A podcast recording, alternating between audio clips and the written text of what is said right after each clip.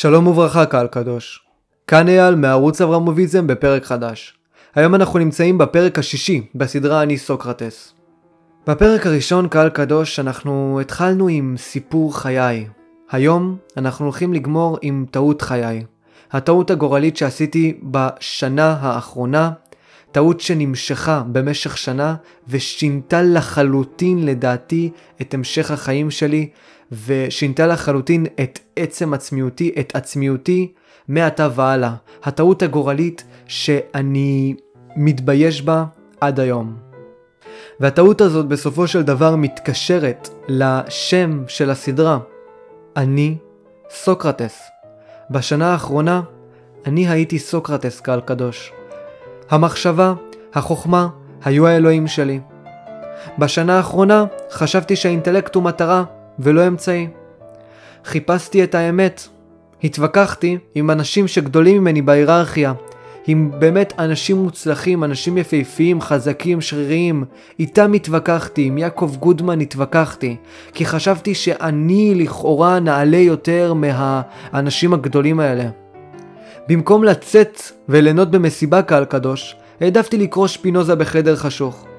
כאשר ניצבתי במסיבה, לא שתיתי ובקושי אכלתי, שנאתי לראות את החברים נהנים. לא חושבים, פועלים על פי האינסטינקטים כמו יוונים ברברים ארורים. לא הבנתי, קהל קדוש, לא הבנתי איך ניתן ליהנות בלי להבין למה ליהנות בכלל, ו... מהו הפעולה המהנה ביותר, והאם יש דבר כזה הנאה, ומהו עצם ההנאה ומה גורם להנאה. כל הזמן הייתי צריך לבחון לעומק דברים, ומתוך כך באיזשהו אופן התנתקתי מהחיים עצמם, הסתכלתי על החיים בפרספקטיבה עליונה אלוהית, שלא באמת קיימת, ומתוך כך לא הייתי יכול ליצור איזושהי אינטראקציה עם החיים האלה. שנאתי את החיים, קהל קדוש. ראיתי, ראיתי במו עיניי. צדיק ורע לו, רשע וטוב לו. האינטלקטואל הצדיק שהוא אני, היה לי רע, היה לי רע השנה. לעומת זאת הרשע המרושע, היעקב גודמן, היה לו טוב. אני הייתי הצדיק שלא הבין כיצד נקלעתי לסיטואציה האמבצילית הזאת במסיבה לדוגמה. לא הבנתי, זה הבעיה הגדולה. חשבתי שאני צריך להבין דברים, ולא לחיות דברים. הכל להבין, הכל להיכנס לעומק. למרות שאין הבנה, ולמרות שליצור רציונליזציה מכל דבר זה מטומטם, כשלעצמו, ולא הבנתי את זה, וניסיתי להבין ולהבין ולהבין, והתבונה הפכה לרודן. ואם עכשיו אני אקח דוגמה שאני מאוד אוהב לתת בפודקאסט הזה, הדוגמה עם יעקב גודמן, יעקב גודמן הגדול, האלוהי, הטייס היוקרתי, החזק העליון, גיבור מלחמה, שחי את חייו, בלי להתעסק בשאלות פילוסופיות מחורבנות, נהנה כמו מלך במסיבה, פועל על פי האינסטינקטים שלו, ומחסל את רודן התבונה, אוהב את עצם הרגע, עצם החיים, היופי של החיים, הישראלי, היווני, קהל קדוש. הוא לא הפך את איסור האלכוהול לדוגמה לאידיאל אסקטי עלוב. הוא שתה, התפרע, הבין שאידיאלים אסקטיים סקפניים זה טמטום. ומי פה טייס? מי גמר כטייס, כלוחם קרבי, אמן גדול? האדם ששתה? או האדם שלא שתה והסתגף? האדם שהיה יכול ליהנות מהחיים, או העולב שעמד בצד? אתם יודעים את התשובה, קהל קדוש. הוא ידע שלכל דבר יש מועד, זמן והכל מגיע בעיתו. הוא לא היה אידיאליסט עלוב, לא היה לו אליל סגפני וכל זה בניגוד אליי. בניגוד אליי שלא הייתי מסוגל לחיות את החיים, שנאתי את החיים. הייתי נמצא באיזשהו עולם שונה מהחיים, מציאות שונה, שבה הייתי צריך לבחון, לבחון תמיד את העולם, לבחון תמיד את הפעולות. ועצם הבחינה של הפעולות, עצם הבחינה, לא נתן לי בסופו של דבר את האפשרות לבחור פעולה אחת מבין השתיים, כי בשניהן זלזלתי, בשניהן ראיתי מגרעות, חיפשתי את הנצחיות, חיפשתי את הטוב ולא מצאתי, חשבתי שזה הערך העליון. הטוב העליון הוא חיים, הטוב העליון הוא לחיות את החיים ולא לחכות לעולם הבא, לאהוב את החיים האלה, לא לשאול מהו צדק, מהי אהבה, כיצד ליהנות, כיצד להיות מאושר, אלא לפעול על פי האינסטינקטים ולבסוף כך להתנתק מהמוסר הנוצרי הבזוי ולהגיע לאהבת העולם, אהבת העוצמה וההתגברות בעולם, גילוי האושר האמיתי על ידי ניסיון בחיים האלה, ולא על ידי בחינה חיצונית לחיים האלה, קהל קדוש. וכל פעם אני מכניס לכאן, חוץ מהאהבה של החיים, חוץ מהאהבה של ה... אה, פעולות בחיים את עצם העוצמה, כן, כי ככל שאני עוצמתי יותר, כך האורגניזם שלי ויטלי יותר, כך האורגניזם שלי חיוני יותר, כוחות החיים חזקים יותר, יש יותר אינטנסיביות, יש יותר חיים, תעמולות, מהפכות במוחי ובעולם הזה, ובתרבות עצמה. לכן עוצמה היא דבר טוב גם הוא. כלומר, אנחנו צריכים לא סתם לחיות את החיים, אנחנו צריכים להעצים את החיים, אם הם יכולים להתעצם. כדאי שנעצים אותם יותר, נגביר את השפע, נגביר את העושר, נגביר את הכוחות של החיים, את הכוח האינטלקטואלי והכוח הפיזי וכוחות הכריזמה והלקיחת סיכונים והאחריות, כולם ביחד על מנת ליצור את העל אדם החזק, את האדם העליון שיכול ליהנות מהחיים ולא לחשוב עליהם יותר מדי. אבל לא הייתי יכול לעשות את זה. העולם הגעיל אותי קהל קדוש. העולם הגעיל אותי, ולמה הוא הגעיל אותי? כי הייתי חלש, הייתי עלוב והייתי נקלה, ולכן החלטתי להתנתק מהעולם ולהגיע לעולם קל יותר, עולם שבו החלשים הם מנצחים, עולם שבו טובי הלב העלובים, הנקלים והבזויים הם מנצחים, עולם שבו החכמים הם המנצחים ולא הצודקים, החזקים באמת, קהל קדוש. הפילוסופיה הרסה לי את החיים. אפשר להחליף כל ספר פילוסופיה במילים בלה בלה בלה בלה בלה ומשמעותן של המילים בשני הגרסאות יהיה שווה. הפילוסופיה מנתקת אותך מהעולם, וזאת באופן הכי קיצוני בפילוסופיה הסוקרטית, שפעלה גם בימי הביניים וברנסאנס קהל קדוש, וגם אם תרצו בימי הנאורות. ניטשה ניסה איכשהו לתקן את העוול, אך לא הצליח. אין זה מפתיע לדעתי, אין זה מפתיע שתמימות הדעים של החכמים עד עכשיו, עד עכשיו תמימות הדעים של החכמים, כפי שניטשה קורא לה, היא שהעולם עצמו הוא הבל הבלים. הוא איננו נצחי, הוא עלוב. מה שבא לנו דרך החושים הוא עלוב, ולכן אנחנו אידיאליסטים. מה שבא לנו דרך העולם עצמו הוא תעתוע, הוא מרמה במקרה הטוב, או חוסר קול במקרה הרע. כל פעם פילוסופים מנסים להוכיח את עצם היש, שיש יש בעולם כי הם באיזשהו אופן נתקעים במצב אינטלקטואלי, במצב המוח, ומכניסים לעצמם כל מיני שאלות שלא באמת קשורות לעולם הזה, מכניסים אותם לכל מיני שאלות אבסטרקטיות, אידטיות, חולות, שלא קשורות לעולם הזה. מה זאת אומרת אם יש יש? למה להתייחס לעולם כמיתוס, כלא קיים, כשפל, כנאלח, כלא נצחי, וזה הבעיה הכי גדולה של הפילוסופים. הפילוסופים תמיד מנסים לחפש נצחיות, ולכן הם לעולם לא חוקרים את ההיסטוריה. הם לעולם לא חוקרים משהו באמצעות החושים שלהם כמו הפיזיקאים, והם לעולם לא חוקרים את העולם עצמו כמו הפיזיקאים הם תרצו. הם תמיד מחפשים את המוחלט, את המושג החנות, את המושג האבסולוטי, שמתוך מוחלטו הוא מתנתק מהעולם כי כן העולם עצמו הוא זמני אבל אין מה לעשות. עצם זמניותו מקנה לו את המשמעות. עצם זמניותו מקנה לו את המשמעות קהל קדוש. כי אם עכשיו הייתי אומר לכם שהחיים שלכם הולכים להיות נצחיים נצחיים והולכים להמשיך ולהמשיך ולהמשיך ולהמשיך ולהמשיך לא במעגליות אלא פשוט להמשיך הלאה והלאה והלאה מתי הייתם רוצים לקום מהכיסא שלכם ולעשות משהו? יש לכם את כל הזמן שבעולם. עצם הגבלת הזמן, עצם הזמניות הוא הטוב, הוא זה שגורם לבני אדם להגביר את עוצמתם ולהגביר את כוחם. אבל הפילוסופים לא אוהבים את זה. הפילוסופים לא אוהבים את הזמניות של העולם, זמניות המדע, ולכן הם יצרו אסכולה חדשה, דיסציפלינה חדשה, שלה הם קוראים פילוסופיה של המדע, שבוחנת האם הידע שאנחנו משיגים מהחושים שווה ערך. עלובים. קהל קדוש, יש לי חלום להקים לתחייה את כל הפילוסופים. לתת להם באיזשהו חדר עלוב, כמו החדר הבזוי הזה בתל אביב, לדבר על כל השאלות הגדולות במטאפיזיקה ואפיסטמולוגיה ואתיקה ושמטיקה וכל אותם שטויות שהם מכניסים לעצמם במוח במקום להתעסק בעולם הזה. ואחרי זה להוציא אחד אחד בנפרד. ופשוט להגיד לו, האם אתה חושב שכל הדיבורים שלך שווים משהו בעולם הזה? האם יש ערך לכל הדיבורים שלך? האם אתה חושב שמעצם הדיבורים שלך, אתה בסופו של דבר תגיע לאיזושהי אמת קנטיאנית ותשנה את החיים שלך בסופו של דבר?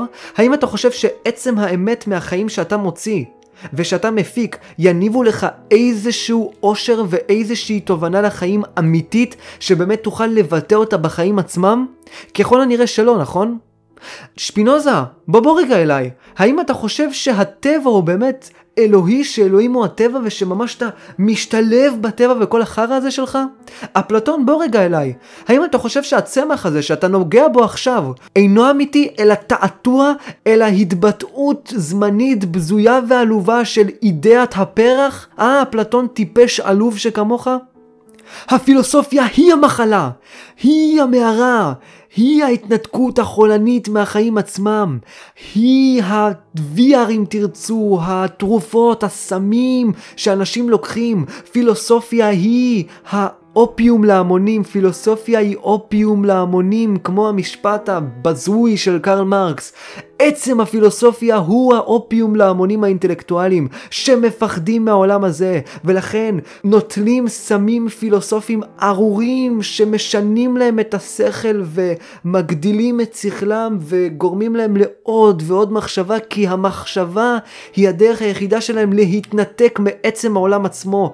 כל הגישוש והבחינה האינטלקטואלית של העולם עצמו בסך הכל היא שקר מוחלט ובזוי אם נחזור לגישה של ניטשה כלפי האינטלקט, השכל, המחשבה, ההתעמקות הסתמית בעולם שבסופו של דבר לא תביא לשום דבר ולא תפיק שום ערך לעולם, היא המחלה, היא המערה האמיתית. ואני קהל קדוש, מתוך השנאה העזה שלי לחיים השנה, השתעבדתי לרודן התבונה.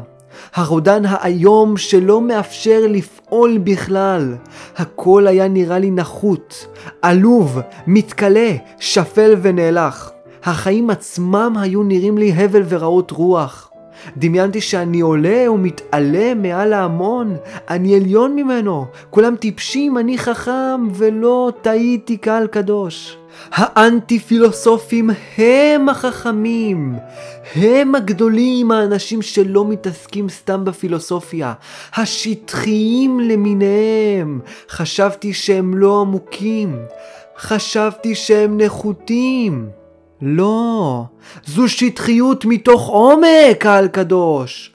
לא אשכח שישבתי פעם אחת, אני זוכר, וזה היה פשוט אחד הזיכרונות המגעילים והנוראים ביותר בחיים שלי. ישבתי בשיעור אנגלית, ו...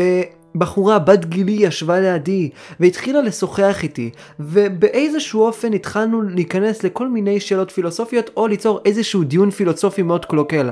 וכבר ראיתי כמה טיפשה וארורה האישה שעומדת מולי כמה היא לא מבינה שום דבר מהחיים שלה כמה דברים מטומטמים עם כל כך הרבה הנחות שווא היא אומרת ונגעלתי ממנה ואפילו כעסתי עליה. אך כעת אני מבין שכל זה היה הבל. כל החוכמה הזאת הובילה אותי להבנה שאותם מושגים חנותים נצחיים לא באמת קיימים והחוכמה והאינטלקט לא שווים שום דבר אם אני לא יכול להפיק מהם איזושהי עוצמה לחיים האלה. וכל השיח הפילוסופי הארור בשיעור אנגלית במשך שעה היה הבל הבלים מוחלט וטיפשי וחסר כל ערך קהל קדוש כי הוא לא הפיק לי ולה שום תועלת ושום כוח ושום עוצמה ושום הגברת ויטליות וחיוניות להפך קהל קדוש. זה לא שקפצנו מהשולחן והתחלנו דיברנו לעשות 20 מיליון שכיבות צמיחה כדי להרגיש עוצמה, סתם דיברנו דיבורים ללא קשר לשום דבר, דיבורים ארורים ללא כל ערך והגברת הויטליות בחיים עצמם, קהל קדוש. העיקר אבל, העיקר אני, אני נאצי מלוכלך, עלוב, טיפש ונוצרי. חשבתי שאני עליון מהאישה הטיפשה והעלובה שדיברה אליי. חשבתי שאני עליון ממנה, ונהניתי ממש להיכנס בה ולהוכיח אותה על טעותה. נהניתי, נהניתי לראות אותה טועה, לראות אותה סובלת כדי להגדיל את הפער ביני לבינה וכדי להיות עליון ממנה. האם באמת נהייתי עליון ממנה? מבחינת איזשהו כוח של החיים? לא. ממש לא. לא רק שהתחרות שבה רימיתי לכאורה הייתה בזויה והייתה דיאלקטית וארורה, התחרות עצמה לא שווה שום דבר. זה לא שעשיתי 100 מטר ב-10 שניות או משהו כזה. אני בסך הכל דיברתי דיבורים חסרי כל ערך כשלעצמם. טעיתי, כשלתי, הייתי חולה מנוון, הייתי סוקרטס. אני הייתי סוקרטס קהל קדוש, אני סוקרטס לצערי. וממתי זה התחיל?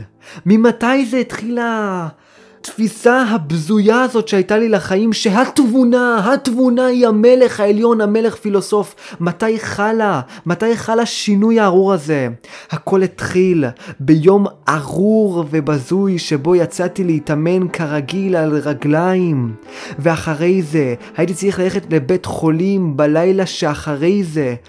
בגלל שאני לא יודע למה, וגילו לי שם איזושהי בעיה ברגל, והייתי צריך לעשות ניתוח, ובכל הזמן הזה, ובכל תהליך השיקום, ובכל תהליך הפציעה, לא הייתי יכול להתאמן, לא הייתי יכול להתחזק, ירדתי 15 קילו במסת שריר, ולאן הלכתי? לאן הולך אדם חסר הכל? לאן הולך אדם שלא נשאר לו שום דבר בחיים, שום עוצמה ושום כוח?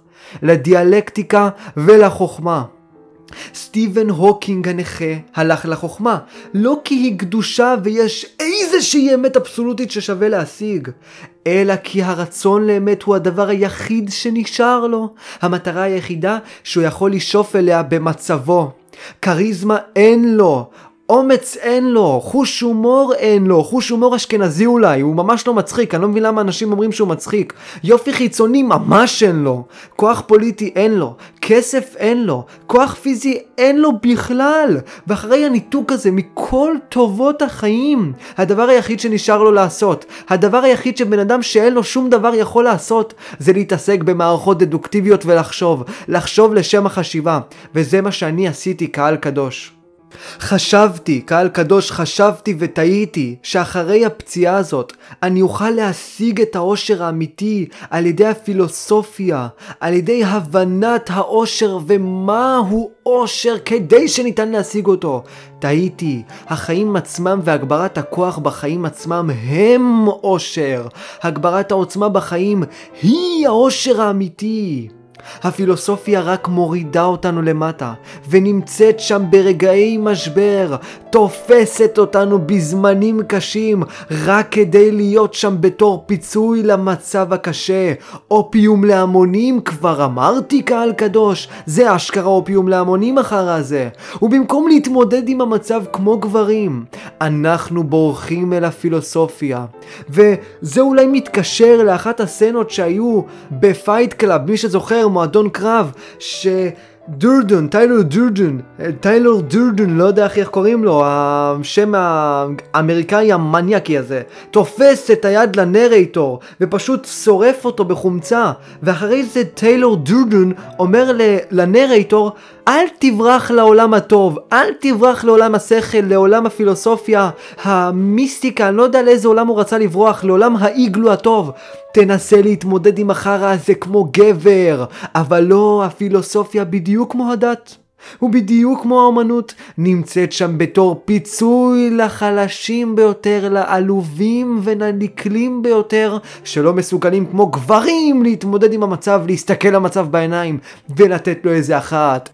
הפילוסופיה נמצאת שם כפיצוי וזה משהו שאנשים לא מבינים. הפילוסופיה נמצאת שם כפיצוי, כאיזושהי משענת שנוכל להישען עליה בזמנים קשים, בזמנים ארורים, קהל קדוש. הפילוסופיה, כמו שאמרתי, תופסת אותנו בזמנים קשים, מורידה אותנו למטה, וגם לא מאפשרת לנו להתקדם ולנסות איכשהו להתמודד עם המצב, כי זה בסדר, הגענו לעולם שונה, הגענו לעולם טוב, הגענו לעולם האידאות האבסטרקטי הארור, ששוחט אותנו וחונק אותנו, אה, חונק אותנו ככה בצוואר ולא נותן לנו שום התקדמות.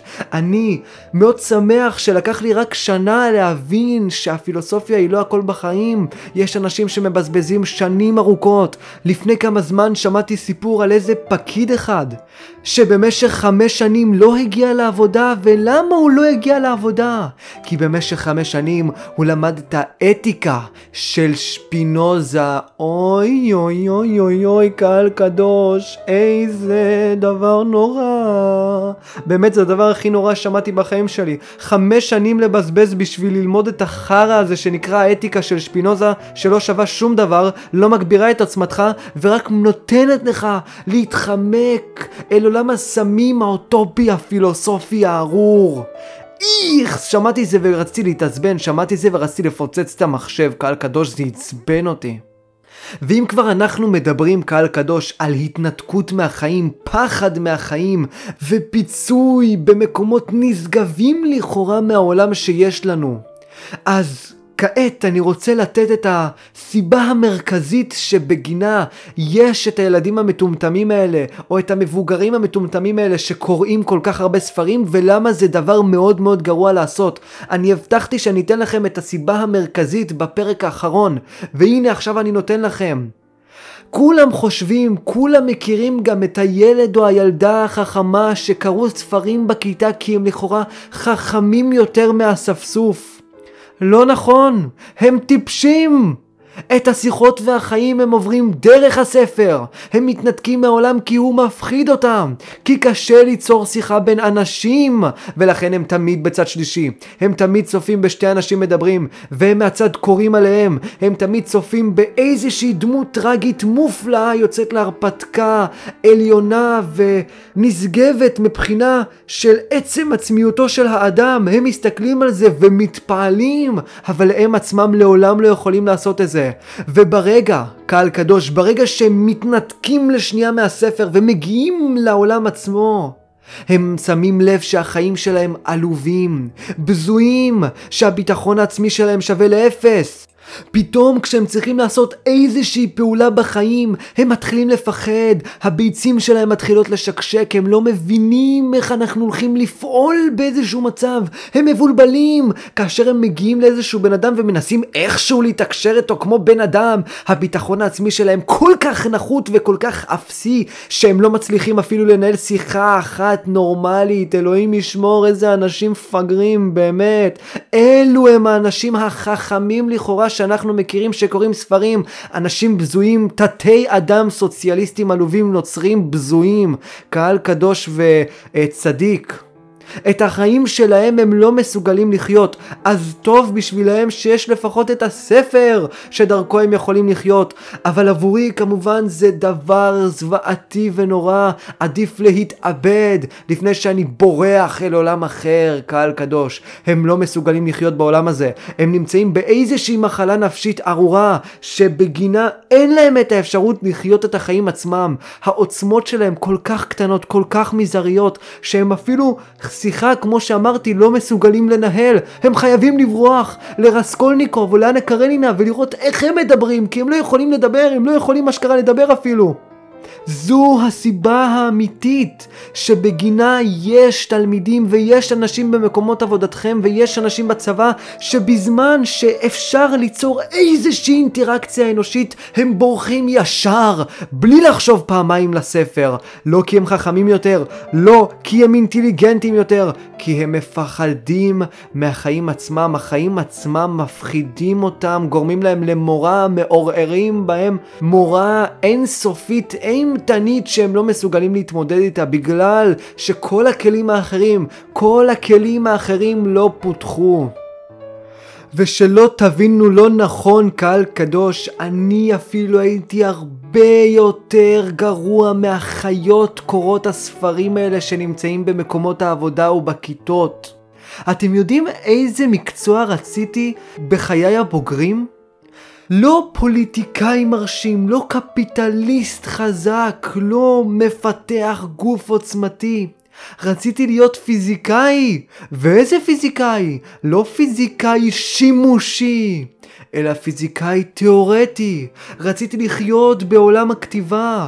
רציתי להפיק מאמרים בחדר חשוך ועלוב עם נר, כי זה מה שחשבתי שהוא האידיאל, חיי השלווה האיינשטייניאנים הארורים. ומי היה הפילוסוף האהוב עליי ביותר באותה תקופה כדי לתקף את ההתנהגות החולה שלי? אפלטון החולה שרואה בעולם הזה כמיתוס. הרגשתי קהל קדוש, הרגשתי כמו קהלת, כמו קהלת שכותב הבל הבלים אומר אייל, אומר אייל, הבל הבלים הכל להבל, או יותר נכון, הבל הבלים המחשבות הבל. ושנאתי את החיים כי רע עליי המעשה שנעשה תחת השמש, כי הכל הבל ורעות רוח. אבל משהו שקהלת לא הבין, ואולי הוא אפילו קצת יותר גרוע מאפלטון שלפחות ראה איזשהו ערך בפעולות בחיים עצמם. קהלת חשב שאנחנו צריכים לעשות הכל למען איזשהו טוב, למען איזושהי תכלית סופית, והוא לא ראה שהפעולות של החיים האלה עצמם הן טובות, הפעולות בחיים עצמם הן טובות כשלעצמן, לא המטרה, לא ההפקת תוצאות, אלא החיים עצמם הם התכלית, הפעולות בחיים עצמם הם התכלית, זה משהו שקהלת לא הבין. העולם עצמו והגברת כוחות החיים, כמו שאני חוזר על זה כבר אלפי פעמים, הם הדבר הטוב. עוד פעם, קהלת כל פעם ניסה למצוא תכלית, מטרה, סוף. יעד והוא לא מצא ובעקבות כך הוא יצר מהכל הבל הבלים. הוא הפך את הכל הבל הבלים. לא ולא קהלת החיים עצמם הם הטובים. נכון אין תכלית אין סוף מוחלט אין עולם הבא אבל עצם החיים הוא טוב. עצם החיים והגברת העוצמה בחיים הם התכלית ושימו לב, שימו לב מה קהלת כותב. אני רוצה להקריא איזשהו חלק מקהלת, חלק שמאוד מוצא חן בעיניי, וחלק שאם אתם תשנו את מה שקהלת אומר לחיים שלי ולמחשבה ולפילוסופיה, אתם תשימו לב שאני הייתי בדיוק אותו הדבר, חיה ארורה שלא רואה בחיים עצמם כדבר טוב ומתייחסת אליו בזלזול. הגדלתי מעשיי, בניתי לי בתים, נתתי לי כרמים. כל זה עשיתי באינטלקט שלי, קהל קדוש. עשיתי לי גנות ופרדסים ונתתי בהם עץ כל פרי. עשיתי לי ברכות, מים להשקות מהם יער, צומח עצים. קניתי עבדים ושפחות ובני בית היה לי, גם מקנה בקר וצאן, הרבה היה לי מכל שהיו לפניי בירושלים. כנסתי לי גם כסף וזהב. זהב, וסגולת המלכים והמדינות עשיתי לי שרים ושרות ותענוגות בני האדם שידה ושידות. וגדלתי והוספתי מכל מה שהיה לפניי בירושלים, אף חוכמתי עמדה לי. וכל אשר שאלו עיניי, לא עצלתי מהם, לא מנלתי את ליבי מכל שמחה, כי ליבי שמח מכל עמלי, וזה היה חלקי מכל עמלי. והנה שימו לב, קהלת מבין באיזשהו אופן שהוא כל כך העצים את הכוח שלו, והפך להיות אחד האנשים העשירים והחזקים ביותר בירושלים, וגם אחד האנשים החכמים ביותר בירושלים, והוא נהנה מזה, הוא רושם שהיה לו שמח, ליבו היה שמח, אבל עוד פעם, עוד פעם קהלת מכניס את עצמו עכשיו לאיזשהו לופ אינסופי פילוסופי. פילוסופי שבו הוא שואל למה, למה, ומה התכלית, ומה, ולמה זה טוב, ולמה התכלית, וזה ידפוק אותו אחרי זה, כי תראו מה הוא כותב אחרי זה. ופניתי אני בכל מעשיי שעשו ידיי ובעמל שעמלתי לעשות והנה הכל הבל ורעות רוח ואין יתרון תחת השמש. ופניתי אני לראות חוכמה והוללות וסכלות, כי מה האדם שיבוא אחריי המלך את אשר כבר עשו? וראיתי אני שיש יתרון לחוכמה מן הסכלות כי יתרון האור מן החושך. החכם עיניו בראשו, והכסיל בחושך הולך. וידעתי גם אני שמקרה אחד יקרה את כולם. כלומר, קהלת אומר, במקום עכשיו להעריך, וזה הטעות של קהלת שהוא לא מבין, במקום להעריך את זה שבחיים עצמם, בחיים עצמם, יש אדם טוב וחכם ויש אדם חלש, עלוב וטיפש, הוא אומר, מה זה משנה איזה, איזה גותי, מה זה משנה? גם ככה כולם ימותו, גם ככה המטרה של כולם בסופו של דבר היא המוות. איזה טיפש קהלת באמת. ואמרתי אני בליבי, כמקרה הכסיל, גם אני יקרני, ולמה חוכמתי אני אז יותר, יותר ודיברתי בליבי שגם זה הבל.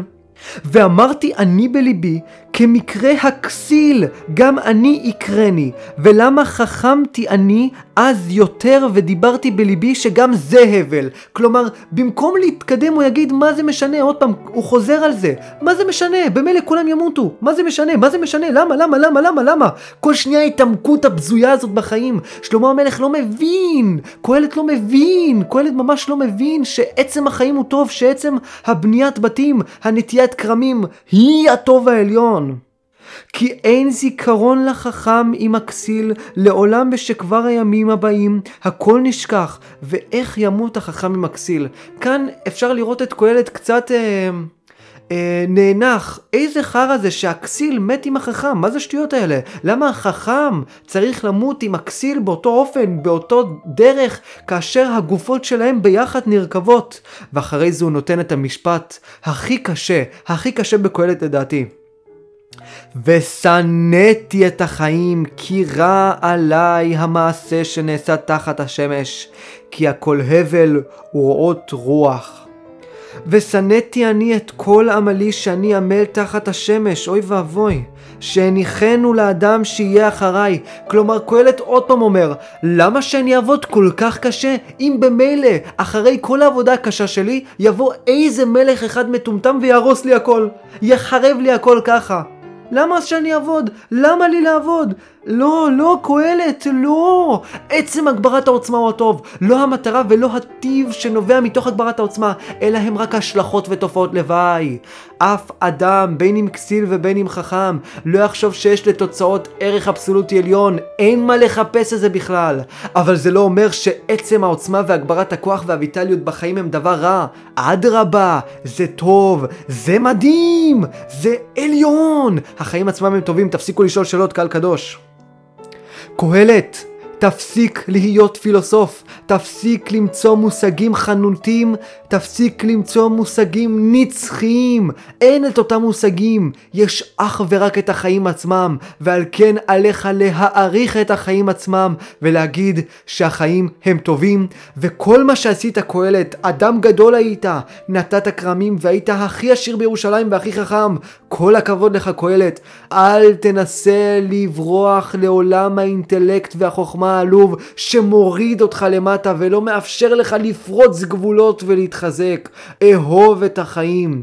עכשיו קהלת נותן טיפים דומים, אבל הוא לא נותן טיפים של ויטליות וכוחות החיים, הוא רק נותן טיפים של אנשים טיפשים. תהנו מהחיים סתם, תשתו סתם, תהנו מהרגעים הקטנים. אני לא אומר את הדברים האלה, כן, יש בזה ערך, אבל אני אומר שצריך להמשיך ולהגביר את כוח החיים, להגביר את עצם העוצמה בחיים, וההנאות הקטנות האלה, אתה לא צריך ליהנות מהנאות קטנות, תהנה מהנאות גדולות, ראוותניות, תהיה הכי חזק, הכי גיבור, הכי טוב שיש בעולם הזה, ולא לברוח לעולם לאינטלקט ולפילוסופיה. הפילוסופיה צריכה להיות אך ורק, אך ורק כלי, ואם כבר, הכלי הבזוי ביותר להגברת העוצמה והיכולת שלך להגביר את העוצמה קהל קדוש. אבל קהל קדוש, מי שמדבר, אשכרה מי שמדבר, מי אני בתכלס? מי אני? אני החוטא הכי גדול פה בפילוסופיה שלי. אני סוקרטס. אני ניסיתי להבין את העולם, אבל העולם לא צריך שנבין אותו, העולם צריך שנחיה אותו. אני סוקרטס, יעקב גודמן הוא טוקידידס, יעקב גודמן הוא פריקלס. וכאשר הבנתי שאני סוקרטס קהל קדוש, השתטחתי על הרצפה וצעקתי, אלוהי אברהם, אלוהי יצחק ואלוהי יעקב, אני החוטא, אני הפושע, ועל כן אני צריך לשתות את כוס הרעל הזאת, ואני צריך להישפט בבית המשפט העליון בישראל, ולקבל על עצמי עונש מוות ולשתות את כוס הרעל הארורה, ו... לבקש מהחיים להקיא אותי החוצה, בדיוק כמו שקרה עם סוקרטס. וככה אני אעזור גם למדינת ישראל ואני אעזור גם בשבילי, כי אני שנאתי באיזשהו אופן את החיים ורציתי להתחמק מהם. אבל לא עוד קהל קדוש, לא עוד, אני הולך להתנתק מהפילוסופיה. אני מסרב לשתות את הרעל, אני מסרב להגיע למצב הכי גרוע של הפילוסופיה, המצב השופנהאווריאני, המצב שבו אני מתנתק לחלוטין ומקווה כבר ליום מותי. אני הולך להשתנות, והפעולה הראשונה שאני הולך לעשות היא לפעול ולהתנתק מהחשיבה, מההתעמקות בכל דבר ומהפילוסופיה. ולבסוף, אני רוצה להקריא לכם מכתב שהמורה שלי כתב לי. אני לא הולך להקריא את כל המכתב, אבל זה מכתב שהוא כתב לכל אחד בסוף שנה.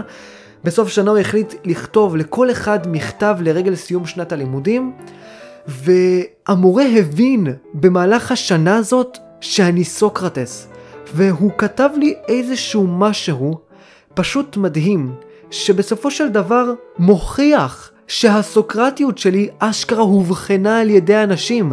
אני הייתי אשכרה סוקרטס, אני אשכרה חטאתי, והמורה שלי הבין שאני חוטא, והוא רצה מהר מאוד לעורר אותי במכתב הזה, ולהראות לי שהחשיבה, הפילוסופיה והבנת החיים היא לא הכל בחיים, אלא החיים עצמם הם הכל בחיים. ושימו לב מה המורה שלי כותב. אייל יקר, אם יש משהו שארצה לבקש, הוא שתשתדל לחוות יותר את העולם. בעיניי, בשל העמקות שלך, יש דבר מה בחיים עצמם אשר חומק מידך, ואבקש, אם אוכל, שלא תחשוש מלהעמיק בחיים עצמם. אתם מבינים קהל קדוש? אתם מבינים מה המורה אומר לי כאן? המורה שם לב למחלה הסוקרטית הארורה שהתפתחה לי במהלך השנה, והוא ניסה איכשהו לעורר אותי. לאחר שהוא כתב את המכתב הזה, החלטתי לכתוב לו הודעה בוואטסאפ ולהגיד לו שאני מודה לו על הערעור הזה, ואמרתי לו שאני שמתי לב לדבר הזה במחצית של השנה. המורה צודק, אני חטאתי בדיוק כמו כל הפילוסופים האחרים. אני חשבתי שהאינטלקט הוא הערך העליון, הערך הכי חשוב, ועל כן שגיתי. שגיתי באופן הכי גרוע שיכול להיות. אני לגמרי הרסתי לעצמי את החיים רק בגלל שלקחתי את האינטלקט והפכתי אותו לאלוהי. אבל כמו שאמרתי, זה לא הולך לקרות עוד לעולם. בחיים אני לא הולך יותר להיכנס כאשר יש לי זמן לעשות איזה שהן פעולות גדולות, במקום זה ללכת לפילוסופיה, במקום, במקום זה ללכת לאינטלקט, לחוכמה ולחשיבה, ולהתחיל לחשוב ולבחון את כל הפעולות. אני הולך פשוט לפעול. וזה התחיל כבר בחודש האחרון, ואני מקווה שזה ימשיך וימשיך ויתעצם. וכל האנשים האינטליגנטים שמאזינים לפודקאסט הזה עכשיו, זה בסופו של דבר הפילוסופיה שלי. הפילוסופיה שלי היא התחמקות מהפילוסופיה. אני הפילוסוף ששנא את הפילוסופיה, וכך אני רוצה שתזכרו אותי ותזכרו את כל הפרקים האלה. הפילוסוף שאומר שהחיים עצמם הם טובים ולא הפילוסופיה, ופילוסופיה הוא התחום הבנאלי והמשעמם והגרוע ביותר שאדם יכול להתעסק בו, והתחום החשוב ביותר שאדם יכול להתעסק בו הוא הויטליות, העוצמה והחיים עצמם. זהו, שישה פרקים הסתיימו, קהל קדוש. שישה פרקים שהראשון שלהם, כמו שאמרתי, התחיל עם סיפור חיי, ואחרון עם טעות חיי. על כן, אני מקווה שתלמדו מהטעות שעשיתי השנה, ולעולם, קהל קדוש, לעולם, וזה אולי הדבר הכי חשוב, לא להפוך את האינטלקט לאלוהי, ולא לחשוב יותר מדי על הפעולות שלכם, לעשות אותם. כי ניטרליות היא המצב הגרוע ביותר, ואם תעשו פעולה ובסוף היא תהיה גרועה, זה עדיף מאשר לא לעשות פעולה בכלל ולהישאר באותו מצב מונוטוני ושלב למשך כל חייכם. אז מקווה שנהנתם, שמרו על עצמכם, שמרו על עצמכם מפני הנגיף הסוקרטי הארור שעדיין מסתובב חופשי בעולם, ותנסו כמה שיותר להעצים את כוחכם ולחיות חיים ויטליים, משמעותיים וכבירים. להתראות.